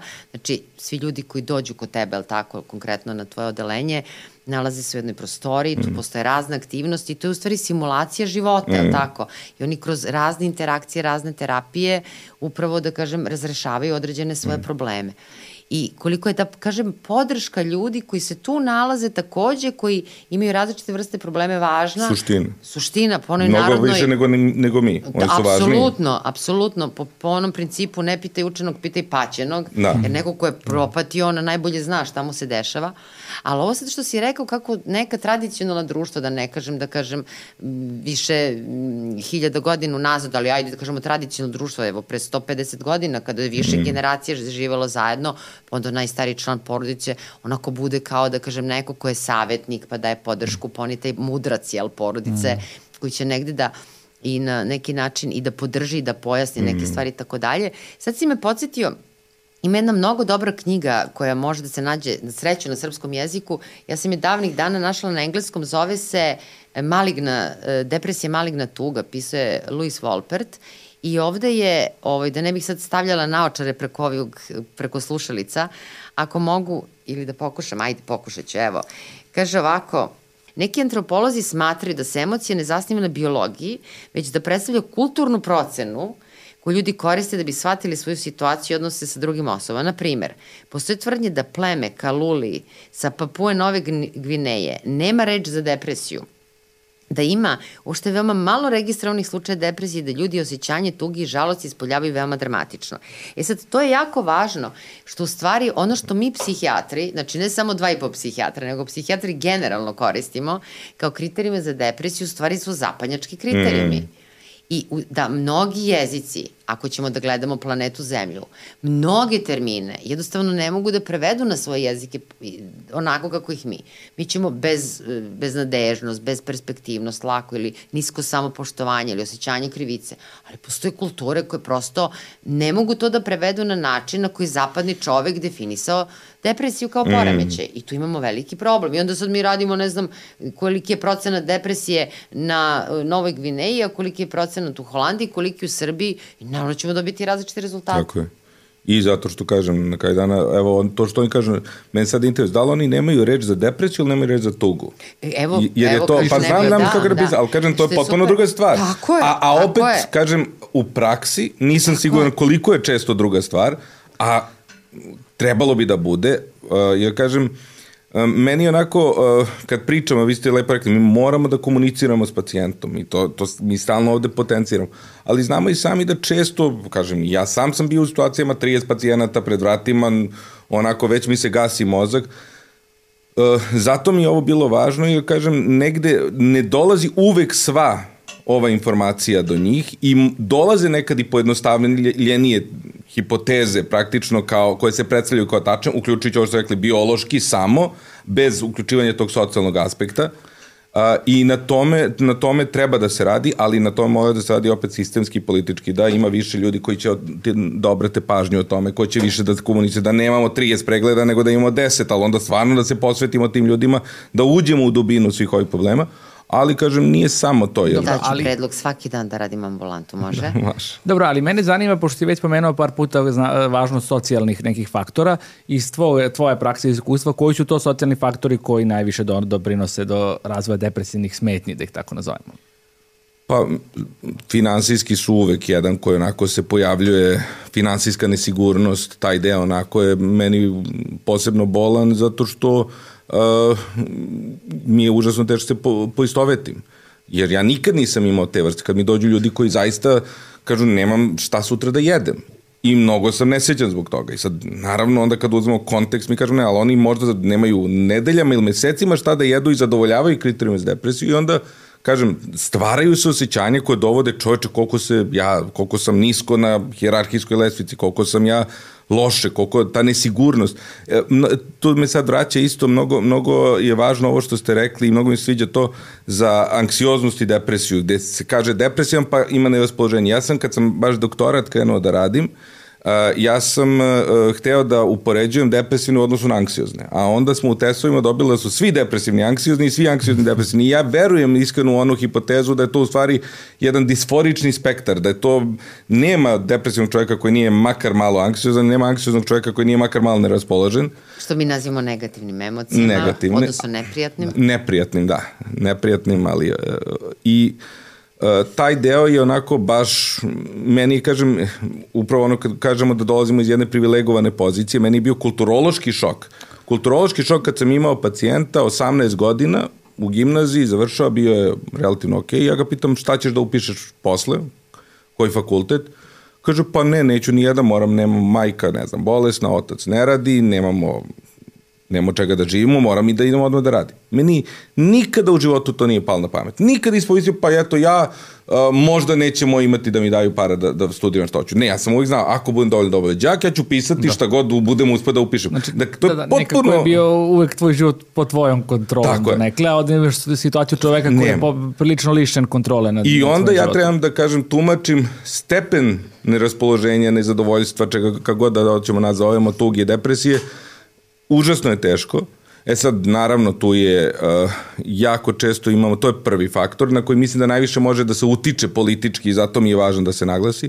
Drugi faktor je ono što svi znamo i što mislim da je onako se uopšteno zna, to su uh, iz porodični odnosi posebno iz detinstva, traume, zlostavljanje, zanemarivanje i to se isto stalno pokazuje mm -hmm. da mhm. neko ko isplivava i to dovodi i to, si, to, to baš između ovoga oslogi taj, čini mi se da tvoj geštal dodiruje to, Uh, često uh, naši pacijenti upravo razviju određene modele ponašanja da prežive takve teške upravo. okolnosti, a onda kad odrastu i izmeste se nastavljaju da ih ponavljaju, a, a više nemaju tu svrhu, iako su ih zdravo razvili da se spasu, sada počinju da, bu, da im smetaju u tim nekim stvarima.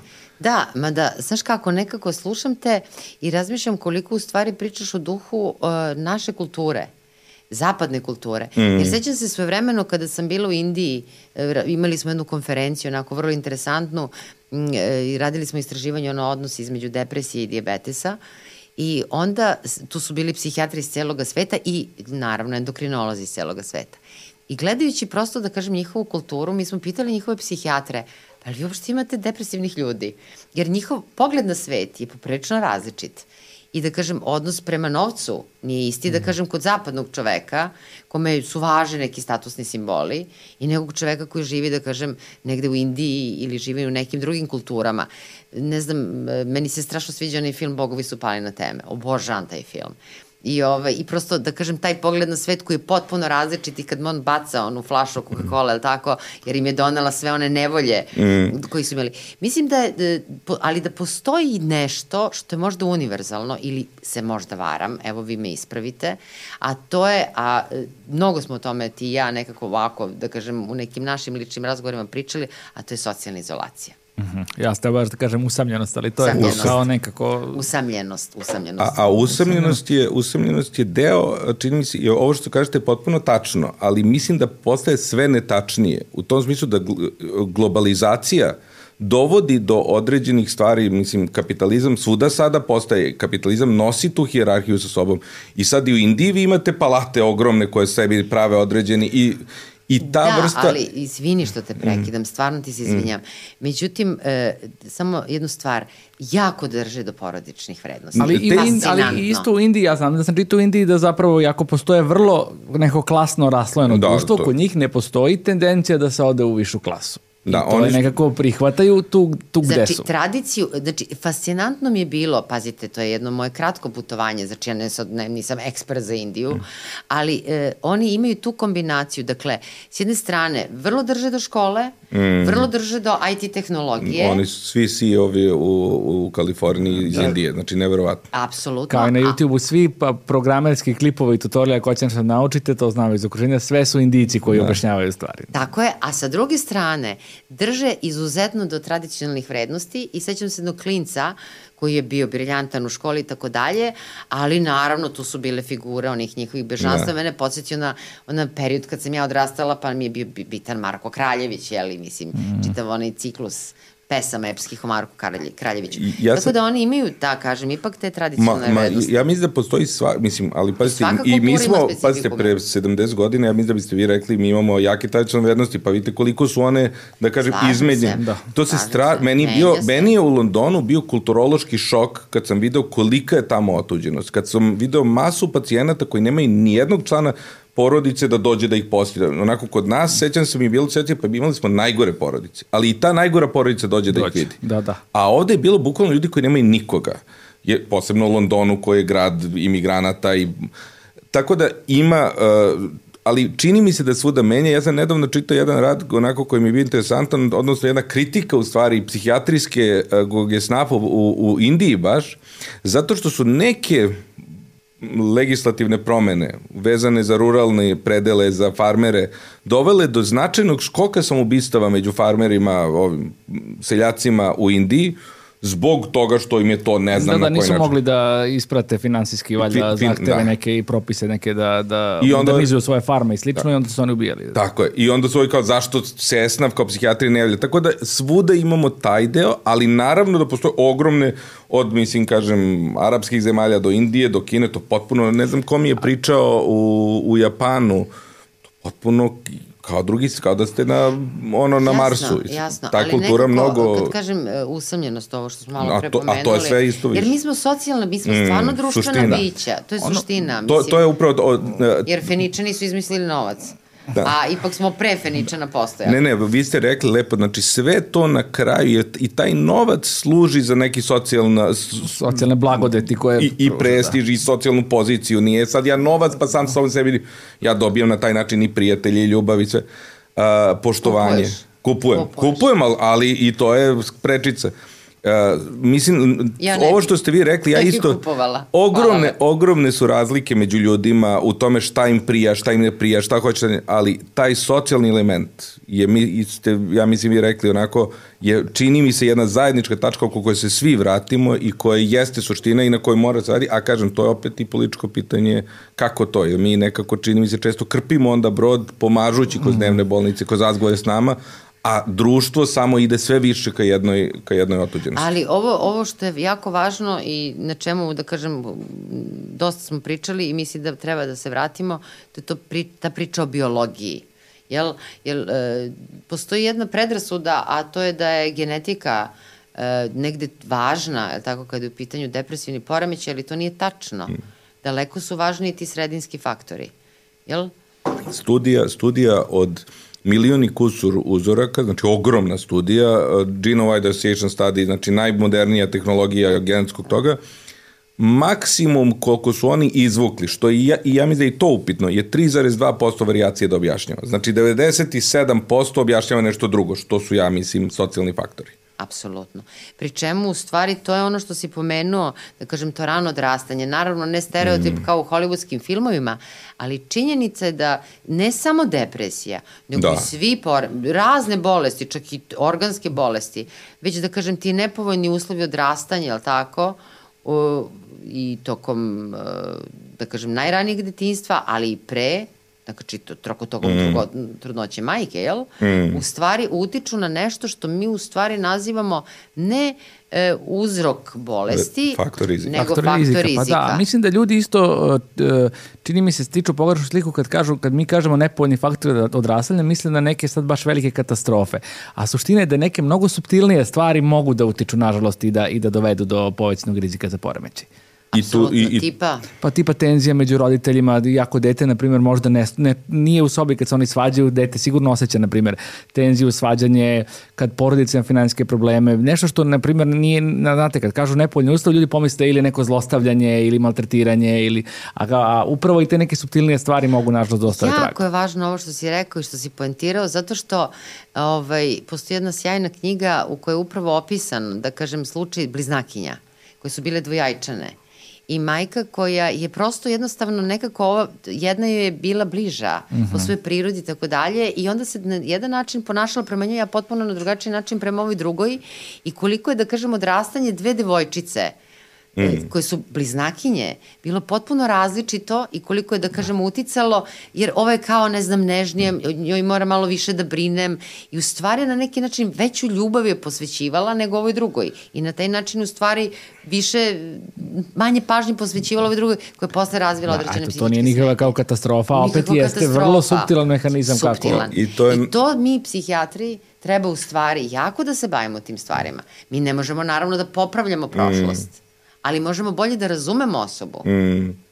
To je uh, iz ove knjige Rasu Tilmovi uh, Gabora Mateja, što je Mihajlo za Bukla predložio. Meni naj, možda najefektnija rečenica. Nije mi se mnogo svidla knjiga, ali ta rečenica je bila uh, kada majka ima osmoro dece, ona ima osmoro dece, ali tih osmoro dece ima osam majki.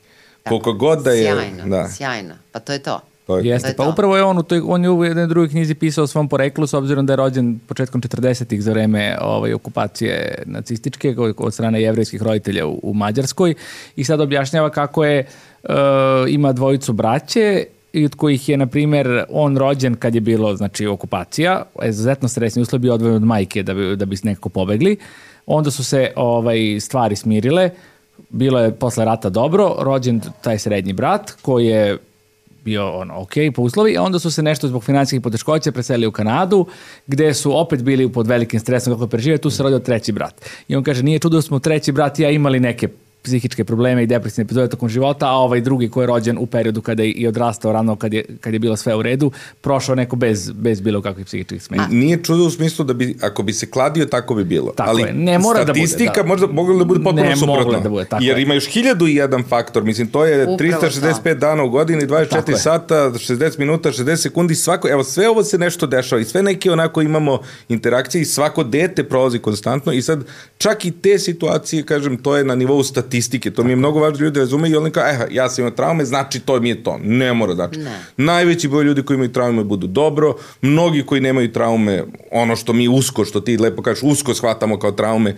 uh, naj, neki broj ljudi koji nemaju traume isto budu loš, hiljadu jedan faktor koji mi prosto ne možemo da ispratimo. Postoji neka genetika, mi ne možemo da je dokažemo iz mnogo mm. razloga, sada ne ulazimo baš previše, jel tako, u te neke Jasne. naučne vode, ali ipak postoji jedno, da kažem, predispozicija koja se razvija u interakciji, jel tako, između neke naše biologije, prirode, na, mm. našeg, našeg odrastanja, odnosno načina na koji mi kao deca doživljamo neke stvari, su to stvara faktor rizika kasnije u životu, ali ono što uvek nekako prepoznajemo kod ljudi koji od nas traže pomoć, to je da se pre pojave depresivne epizode njima ipak desio neki nepovoljan životni, o, o, da kažem, događaj i tu opet dolazimo do kulturoloških razlika, jer u našoj kulturi najveći najveća tragedija je gubitak deteta, mm. što u nekim drugim kulturama nije. U Americi je razvod braka. Ne znam. Nisam da, ja da, to da, da. da, da. Kod njih je apsolutno na prvom mestu razvod braka, a kod nas je gubitak deteta. Mislim, evo već da kažem, i u zapadnim kulturama postoje razlike, a zamislite sada da uzmemo, da kažem, neke druge kulture koje su nam manje poznate, jel, e, kakva bi tu recimo bila, da kažem, lista životnih događaja? A onda u kulture imamo i taj aspekt e, koliko su ljudi zaista i, i sposobni ili naučeni da razmišljaju o svojim osjećanjima na taj način da ih povezuju s okolnostima i to ono što, što uh, sam pomenuo, čini mi se, za Fro, u Freudovo vreme da su ti neki simptomi fizički bili mnogo češći, a danas kao ređi na zapadu, ali mi dan danas imamo često pacijent koji kažu pa meni je loše, a sve mi je okej, okay. ništa mi nije. I onda ja kažem, ok, ali kad krenemo da kopamo, onda vidimo da mnogo što šta nije ok, ali oni nisu umeli da definišu i to je u, u epizodi uh, samopovređivanje su baš Ana i Sanja lepo rekli kad ne umeju da opišu kako se osjećaju, prosto kažu osjećam se loše, ne znam ništa šire od toga. Meni je, meni je onako, ili su tu nekakvi konflikti koji su užasno kompleksni, koje onda pacijent negde i sabije. Meni je uvijek asocijacija bila jedne, jedne uh, uh, gospođe iz onako, da kažem, konzervativne sredine, koja je uh, imala depresiju, izražene depresivne simptome, za, zadovoljavala kriterijume za depresiju, šta je imala ili nije pitanje. I ona je uh, uh, rekla, ja ne znam, sve mi je okej, okay, nemam ništa, nemam nikakve probleme. I onda kad smo mi pričali, mi smo stvari shvatili da je njen brak jako loš da je ona jako nesrećna u tome, u smislu suprug je alkoholiča, ne obraća pažnju na nju, ona živi već u tom trenutku više od deceniju, praktično ko da je sama, samo sa onako lošim okolnostima, ali ona to nije, ona je to nekako prošlo usput, ali ona to nije mogla, zato što njoj bilo neprihvatljivo već pomenuti razvod, njoj to bilo u njenom moralnom konstruktu je bilo neprihvatljivo razvod i onda on kaže, to mi, užasno mi je da se razvedem, užasno mi je ovako kako živim i ona je negde između, onda kaže ja sam loša, ali Ali ne nije, znam, nije zbog toga što... Nije zbog toga, zato što je alternativa verovatno u njenoj glavi još gora. Iako mm. meni ne bi bila, moj moralni možda ne bi bio takav, ona je... Ona je... Jednostavno izbjegavala da se suči sa, da kažem, uzrokom. Da, sad si me podsjetio na ovaj, jednog čoveka koji je došao kod mene. E, Poslali, pozvali su ga zato što ima povešen krvni pritisak, ali su mislili da ipak tu treba i neka, da kažem, psihološka komponenta pomoći. I kaže meni, doktorka, ja ne znam stvarno, ja ne znam ni zašto imam ovaj krvni pritisak, ne znam ni što su poslali kod vas. Mislim, lepo živim, super, sve mi je okej. Okay imam divnu porodicu, sjajno se slažemo, sve mi je dobro. Ja kažem, posao odličan, ja volim da se bavim mojim poslom, pa koliko dnevno radi? Po 18 sati dnevno u proseku radim. Ali potpuno ako usput mu je to, mm. da je 18 sati. I onda smo se malo tu zaustavili. Tako da jeste tu, da kažem, negde naša uloga da prepoznamo te neke mm. faktore koji ljudi možda i nisu sami, jel? Nemaju uvid ili imaju, oni vide da se nešto dešava.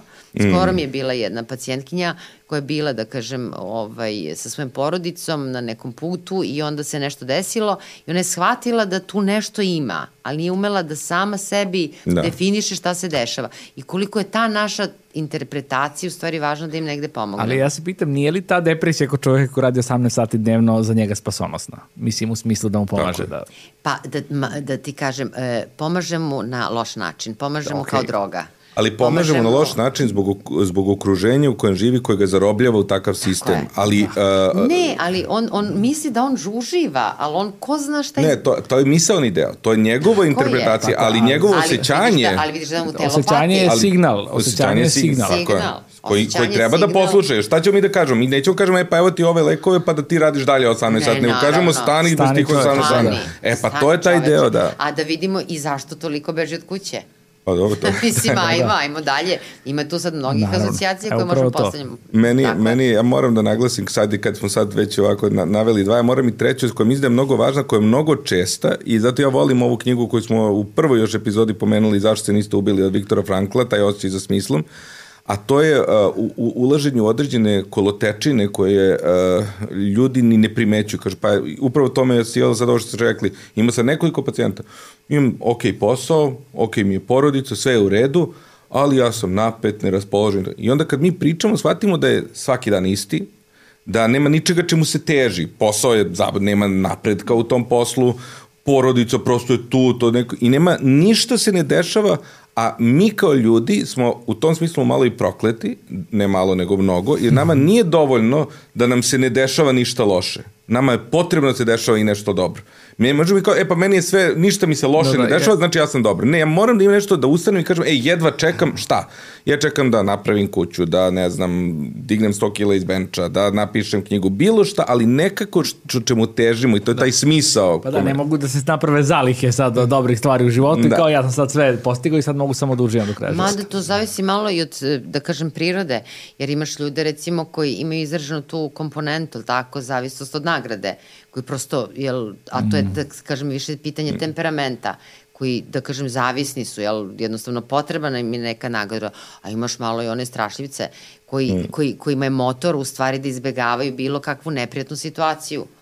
Imaju, Ali dugoročno šta je s njima uh. -huh. isto? Imaš da. i one koji recimo stalno traž, tragaju za senzacijom. Mm. Znači vrlo se ljudi, Aj, da to, kažem, da, negde to, razlikuju. I to je neki to... kontinuum, čini mi se, upravo od ovoga što ti kažeš, od onih koji svaki trenutak mora nešto novo. Mora, koji su, tako ali je. svi mi čini mi se, pa kažem i ti strašljivci često pate zato što ne mogu neke stvari. Nemaju ništa jer se plaše sve. Jer se plaše. Ali Mislim, oni se plaše, da. Plaše se, ali, ali, ali strah ih i motiviše. Ti si meni to jednom sjajno rekao u nekom privatnom razgovoru. Mora čovjek malo da ima u sebi onako nečega što će da ga bocne, da ga prosto motiviše u životu. Svog demona. Svog demona. Da. Nisam htjela da izgovorim. Da. Hvala ti što si mi pomogao. I to, ali to je zaista da. mnogo dobra rečenica. Mora da ima. Jer, jer inače je mrtvo more. Da. Onda, onda nema napretka, nema progresije. Apsolutno nema. I to je, mislim, da je jako važno u radu sa ljudima koji, e, da kažem, boluju, odnosno pate, ja bih pre rekla pate Tako. od e, sindroma koji nazivamo depresivnim, da im pomognemo u stvari, pre svega da ono što kad smo pričali o emocijama, nekako da budu u kontaktu sa sobstvenim emocijama, da shvate svoje stanje i da nekako onda počnu polako da, e, ovaj, da kažem, izlaze iz tog stanja. Tako e je. sada, ovaj, dotakao si se patnje, jako važnog fenomena, uh, kog, koji baš i nije nekako, da kažem, socijalno poželjan se e, mnogo i prikazuje u ovom 21. veku i mislim da mi živimo u veku kada smo u potpunosti nekako težimo da smo obezboljeni i telesno, a i fizički. Mislim, je prosto, imaš mnogi ljude koji ne mogu da zamisli da odu kod zubara, a da im ne daju anesteziju i volili bi uopšte anesteziju da odu kod zubara. Mhm. ja lično nisam taj tip. Ja bih hvala uopšte anesteziju. Ja, volao bi, jel? Ja ne. ja, ja ne. Ja, da, ja bez anestezije ništa ne, ništa ne radim, a kamoli, ovaj, Meni... a volao bi kad bi mogla uopšte, ali to niko neće da mi da. Pa, znaš kako, jedna moja drugarica je rekla, mislim, doći ćemo u vreme, vremenu u kome ovaj, će najbolnije biti, mislim, kod nas žene, ja se vama izvinjavam, depilacija. Mm. Da će to biti najveći bol koji osoba osjeća. Mislim da to nije normalno. Nije. Mislim da to nije okej. Okay.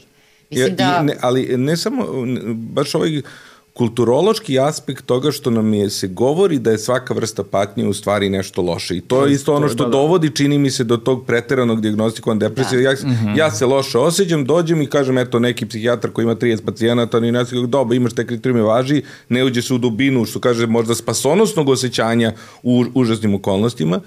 A jeste to jedna poruka koja nas se šalje i to je sad drugi taj deo gde svi, ako nije, ako je, jer ono, naravno da sam često anksiozan. Ima onaj, ona hipoteza da uh, nesrećni primat, što je, ja mislim u BMJ izašao, nije ni bitno, uh, da smo u stvari naše bazično stanje jedna vrsta nezadovoljstva iz koga mi samo povremeno isplivamo praktično, ali da je, je naša borba... A to je u stvari rekao u ovaj, Woody Allen u onom Midnight in Paris filmu, kada oni se stalno vraćaju u prošlost u neke svoje omiljene da. ere i onda se razoča, stalno razočaravaju, onda ovaj kaže, pa takva je prošlost kao blago razočaravajući, jer takav je život blago da. razočaravajući. Tako da je ovaj, u stvari to ta poruka. Ali mislim da Ovaj, upravo je to važno, sad smo pričali neke, neke baš lepe primere ljudi sa realnim pričama i patnjama i onda vidimo koliko ta cela uh, spisak simptoma zapravo nije dovoljan da opiše celo ljudsko mm. iskustvo. Mm. Mislim da ljudi zato kad čitaju, čitaju simptome mogu da se ukalupe u nešto, a zapravo svaka priča, svaka životna priča je priča koju je vredno ispričati. Mislim da je zato svakog da, moramo da nemamo, da gledamo. Mi nemamo u depresivnim simptomima, nemamo bolu u želucu ili glavobolju, a to vrlo često je nešto što upravo što kažete bol fizički kao neka manifestacija Absolutno naših osjećanja. Ali upravo zbog toga, znači mi smo ti koji ćemo da se pridržamo tih kriterijuma da bi međusobno komunicirali kao psihijatri, je li tako? Ali ljudi ne treba da čitaju te simptome. U ostalom, kad smo svi studirali medicinu, jer poznate hipohondrije studenta medicine, ona je okej, okay, mm. ona je zdrava, ona je okej, okay, mm. cool, svi smo prošli.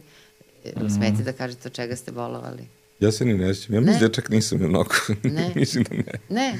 Ali znam da je skoro svi s kojima sam bio su imali, ali ja ne... Meni moja kuma kaže, ovaj, ovaj, nemoj, molim te, Olivera, kako nisi imala, jer ti si s vremena na vreme sušila ruka. Ja sam imala jeziv strah od malignog melanoma, ti? Pa meni više srčane tegobe. Samo. A, srčane tegobe. Mm. Pa dobro, mm. znači različito, ali imali smo, Milotine, nećeš. Možda sam imao da sam zaboravio, ne. neću da, ni, ne, ja otvorim kažem, ja imam probleme sad, da, ne da. se da sam. Ali e, ono što je važno, a to je da e, ti kriterijumi nama služe, a da je u stvari patnja ljudska koju mi nazivamo mm. depresijom i ljudi koji zaista autentično im pomažemo je daleko koloritnija, daleko šira i to je da kažem neki trening, psihijatrijski trening kroz koji mi prolazimo i da bismo u stvari osetili. Mm. Jer najveća važnost nisu kriterijumi, nego kako mi osjećamo osobu koja se nalazi preko puta nas. Mm. Jer nekako emocija te patnje je vrlo zarazna. Čak mm. i onda kada nam pacijent ne kaže da je tužan, onda da, kada nam pa, kaže, pogotovo Surata kada je vapaj, vidimo. da. tako je, on, vapaj onaj njegov pogotovo kada kaže ja ne osjećam radost. Da za meni to uvek najteže pada, mm. znate, ono, za neke stvari za koje da kažem, u svakodnevnom da. životu. I, on, I to mi nazivamo u psihijatriji bezosećajna osjećajnost. On, mm. Odnosno, osjećajna bezosećajnost, da. da. On, on, on osjeća da je bezosećajan i zbog toga pati.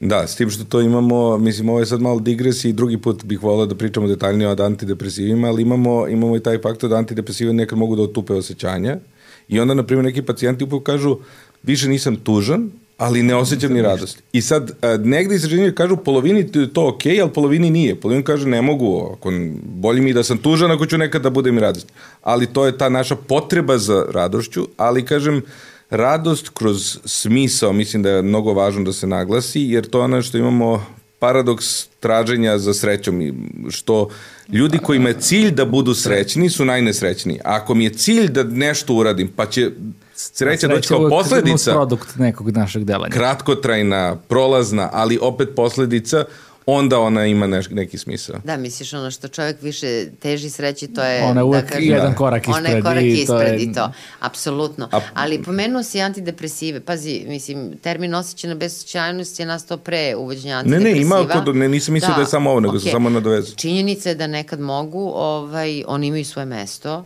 antidepresivi, ali mi nekako smo tu da kažem upravo e, jako važno da, da, da budemo ozbiljni kad su u pitanju ti lekovi, jer dešava nam se i to čujemo od naših pacijenata da nas pitaju, e, moja prijateljica pije taj lek. Mm. Čak nekad ljudi i sami kreću da uzimaju lekove, da, tako, iz komšiluka i ostalo, što je apsolutno opasno i nije dobro. Mm jer mi vrlo dobro znamo da koje su to depresivna stanja, kod kojih se daju antidepresivi, kada se daju antidepresivi, jel? A pa, kada, manje više. pa znamo, znamo, znamo kod težih formi, depresija kod, sigurno. Pa da. kako ti kažem, mislim, čak i u trudnoći, mi šta procenjujemo? Procenjujemo rizik štetu. Mm, uvek u svemu, da. Svemu. Ali to je, zato ja ne volim kad kažu ovo je dobar lek. Nijedan lek nije dobar ili loš. Svaki lek, čim je lek je dovoljno dobar da su njegove uh, pred, uh, očekivana korist da je veća u odnosu na štetu. To je, to, ali svaki može da donese i štetu i korist uh, uh, i, i neka će doneti jedno, neka drugo, neka doba. Pa dobro, ali to ne može da kaže ni za auto, jer to zavisi, nekome da. se sviđa ovaj auto, ali, neko je onaj. Ali, kažem, mislim da taj način razgovora uh, sa, sa pacijentima, otvorenost, iskrenost u tim aspektima mnogo važna i kažem, zato je nekako taj deo, taj deo gde uh, s jedne strane, ovo što mi kažemo, znamo neke stvari, ne mnogo, ali neke stvari znamo, mnoge stvari ne znamo i to je okej. Okay. Mnoge stvari koje ne znamo ni ne moramo da znamo da bismo pomogli nekome. Ne moram ja da znam sad koji se neurotransmiter gde otkačio da bi nekome pomogao na način najbolji koji ja mogu. Tako je.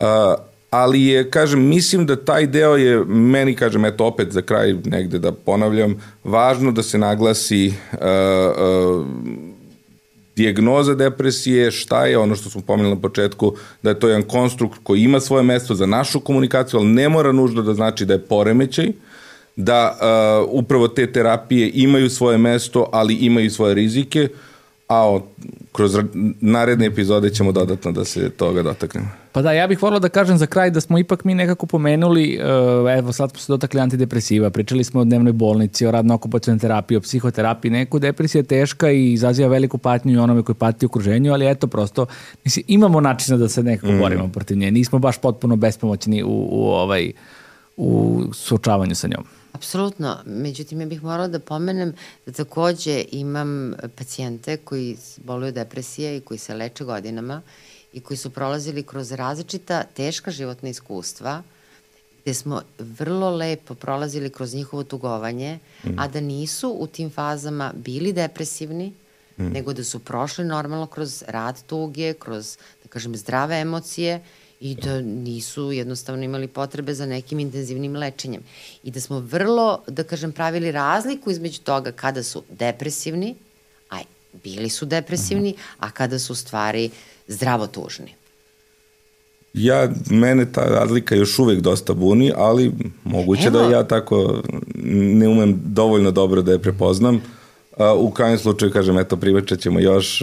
Meni je drago da smo nekako čuli različite poglede i je to važno da ne, i, i da je i to jedno, da mi, nas troje može svako da ima različit pogled na ovo i da negde uh, a, a, je svako u nečemu vratno i u pravu, u nečemu i nije. Mislim da je to Mislim, i, i lepota kažeš... psihijatrije. Meni zato ova tema toliko Absolutno. uzbudljiva, baš zato što toliko ne znamo i trudimo se da znamo i zato ja me frustrira kad se dođe i kaže e, one što kaže u druge da kažem neke kada vidimo snimke gde se zaista olako nekakve definicije daju koje su... Kad kažeš ne znamo, pod tim podrazumevaš u stvari da sve više znaš, pa zbog toga imaš i doživlje da, sve, da, da više i ne znaš.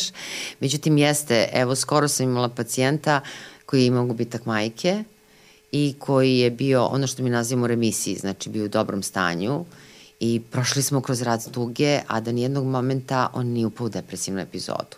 Dakle, a, leči se godinama, leči se od ozbiljnog depresivnog poremećaja i nekada nam je potrebna podrška, nekada primimo dnevnu bolnicu, ali ne sa idejom da lečimo, nego da upravo preveniramo pojavu depresivne epizode. Dakle, zdravo prolaze kroz svoje tugovanje, a da ne upadaju u svoje depresivne epizode. Tako da, Mislim, I kada im budeš imao 25 godina iskustva, sigurno ćeš imati ti takve slučajeve. Pa imao se ja različite slučajeve i, i imao se slučajeve sa sličnim tokom, ali upravo mislim da je ono što je... Ali važno da je, napravimo razliku. Ali ono što je, pa ja kažem, ja ne znam gde je razlika, ali znam da pomoć pomaže i kod jednog i kod drugog. I, na primer, ja mislim da ovo što je Mihajlo pričao, pom, možda neko prvi put kad je došao, dođe sa nekakvim uh, nerazumevanjem sobstvenih osjećanja, sobstvenih nekakvih doživljaja i onda upravo kroz rad s vama možda su oni počeli bolje da razumeju pa ko sam ja, šta sam ja, zašto ovo osjećam i onda na, da na zdraviji način prolaze kroz te epizode da li su poremeći ili ne, kažem, to je široka tema. Jesi ti bio depresivan? Ja sam imao jednu fazu od šest meseci gde uh, sam imao onako egzistencijalnu krizu, uh, pitanje čemu sve ovo zašto, kako, ko je tako, onako, čemu život, nije bilo neke nužno radosti, nije bilo mnogo nekog iskrenog osmeha, sve se desilo neko nekog, da kažem, onako, stresnog događaja ko nije bio previše, ali eto, mene je potresao u svom, da kažem, isto je te privilegovane pozicije gde generalno sam imao lep život, pa i takve stvari su mogli da me potaknu. I prosto je prošlo samo od sebe, uh, Uh, ja sam uspevao da funkcionišem, odradio sam šta je tad imalo, to je bilo negde kraj gimnazije, početak fakulteta, ali uh, ne bih rekao da je to bila depresija, ja bih rekao da sam ja prosto prolazio kroz to koji sam i sad retrogatom ko pogledam, vrlo moguće sam zadovoljavao kriterijume za depresiju, ali ja to, kažem, opet ne bih nazvao, jer kao i ono što ovde opet je važno da naglasimo, Uh, veliki broj, određen, ajde da ne kažem, određen broj studija zaista govori da veliki broj onoga što mi nazovemo depresivna epizoda prođe spontano. I to Aha, imaju naravno, studije koji to naravno. i do 80% u, u, u određenom periodu, 80 i kus. Tako da i taj deo je. Sad, da li je to bio poremeć? Da li? Na kraju pa, dana je nebitno. Nije važno. Nebitno je, sada je nebitno. Sada je nebitno zato što ja to nisam doživao kao poremeć. Ali da sam ja tada se javio, da mi neko rekao ti imaš poremeće. Moja dalja trasa životna bi možda išla u potpuno drugom pravcu. E, taj deo je ono što mene plaši u tom nekom okay. smislu.